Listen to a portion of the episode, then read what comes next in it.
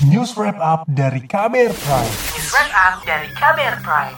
Setelah pemerintah melabeli kelompok separatis Papua sebagai teroris, TNI lantas menyiagakan 400 prajuritnya dari Satuan Tugas Pengamanan Daerah Rawan Satgas Pamrahwan untuk dikirim ke Papua. Satgas Pamrahwan ini lebih dikenal dengan pasukan setan yang kerap ditempatkan di daerah-daerah rawan konflik. Lantas, apakah keputusan ini menjadi cara yang tepat untuk menangani konflik di Papua? Simak laporan jurnalis KBR Astri Yuwanasari dibacakan Reski Mesanto.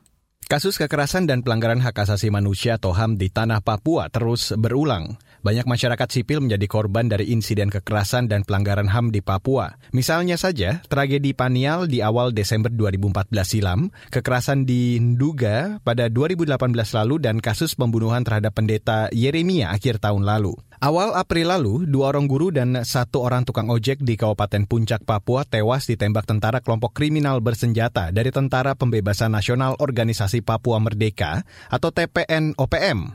TPN-OPM juga membakar bangunan publik seperti sekolah.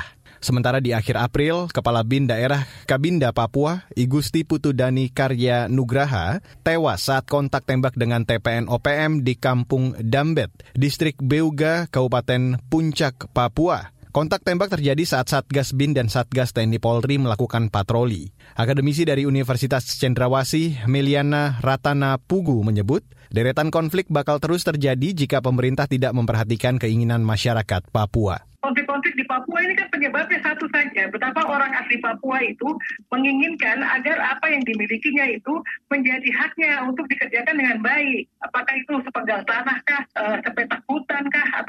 yang ada di dalamnya, apakah pertambangan atau tambangnya yang ada di dalam, ataupun hutannya, seperti itu. Ketika hal-hal ini tidak diperhatikan, lalu masalahnya jadi panjang sekali sampai sekarang, maka yang terjadi adalah masyarakat ketika tidak diurus oleh negara dan tanda petik, tentu saja yang terjadi adalah trust. Kita tidak percaya lagi kepada pemerintah. Meliana menambahkan perlu kerjasama yang baik antara pemerintah pusat dan pemerintah daerah dalam menyelesaikan konflik di Papua. Menurutnya, pemerintah daerah lah yang lebih tahu karakteristik masyarakatnya konflik ini harus ditangani baik oleh pemerintah pusat dan daerah. Kenapa daerah? Karena daerah lah yang mengetahui bagaimana kondisi masyarakatnya. Entah masyarakat di Intan Jaya kah, entah masyarakat di Deoga kah, entah masyarakat di Ilaga kah. Yang tahu itu adalah posisi pemerintahnya. Nah ketika pemerintah daerahnya tidak mampu, apa sebenarnya penyebabnya itu kita harus dicari tahu. Berapa pemerintah daerah tidak mampu? Apakah tidak ada uh, kerjasama, sinergitas yang baik antara pihak pemerintah, Forkopimda di daerah, atau seperti apa? Masalah-masalah ini kan menjadi rumit ketika masing-masing pihak mempertahankan egonya untuk melakukan apa dilakukannya tanpa bekerja sama dengan baik sehingga masyarakat itu jadi korban Bapak Ibu. Namun di sisi lain, keputusan pemerintah melabeli kelompok separatis Papua sebagai teroris juga dianggap akan menghambat upaya penyelesaian konflik di Papua. Perwakilan Koalisi Masyarakat Sipil untuk Reformasi Sektor Keamanan, Al-Araf menyebut, pelabelan teroris menjadi bukti pemerintah mengalami kebuntuan ide menyelesaikan konflik Papua. Al-Araf juga menyebut pelabelan teroris untuk kelompok separatis Papua menjadi salah satu bentuk politisasi ekstrim kekuasaan untuk lari dari tanggung jawab menyelesaikan konflik di Papua. Nah, memingkai kelompok separatis sebagai kelompok teroris itu memungkinkan ruang negara mendapatkan legitimasi atas tindakan-tindakannya, khususnya tindakan-tindakan yang sifatnya lebih eksesif. Ya, dalam konteks itu, mengatasi konflik separatis dari sudut, sudut pandang terorisme sesungguhnya memungkinkan negara untuk membenarkan tindakan-tindakan ekstrim termasuk intervensi militer. Dan itu terjadi. Ya, kita tahu bahwa pengiriman pasukan langsung dilakukan ketika negara uh, menerapkan terorisme.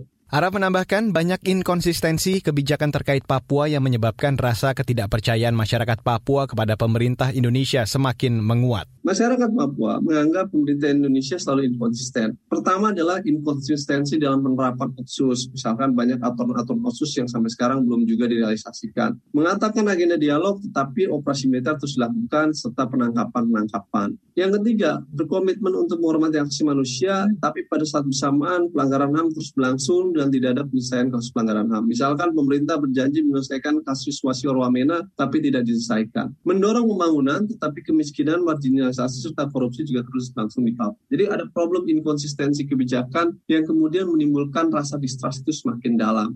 Sementara Komnas HAM menyebut, pemerintah harus mengedepankan dialog damai sebagai strategi utama penyelesaian siklus kekerasan, sekaligus menjadi pembuka jalan untuk isu-isu lainnya seperti ketidakadilan, hak ulayat, dan diskriminasi. Komisioner Komnas HAM BK Ulung Hapsara mengatakan, kasus pelanggaran HAM juga harus diselesaikan dengan baik dan transparan untuk proses hukumnya penegakan hukum ini juga bukan hanya terhadap KKB saja, tetapi juga kepada aparat TNI Polri yang memang bersalah membawa yang kemudian membawa korban e, masyarakat biasa begitu yang tidak tahu apa-apa juga harus saya kira juga harus diberi sanksi dan dihukum begitu tidak hanya kita konsentrasi kepada KKB saja tapi melupakan bagaimana proses hukum kepada aparat TNI dan Polri yang memang bersalah e, yang mengakibatkan korban jiwa. Saudara, demikian laporan KAS KBR yang disusun Astri Yuwanasari. Saya Reski Mesanto. Kamu baru saja mendengarkan news wrap up dari KBR Prime. Dengarkan terus kbrprime.id, podcast for curious minds.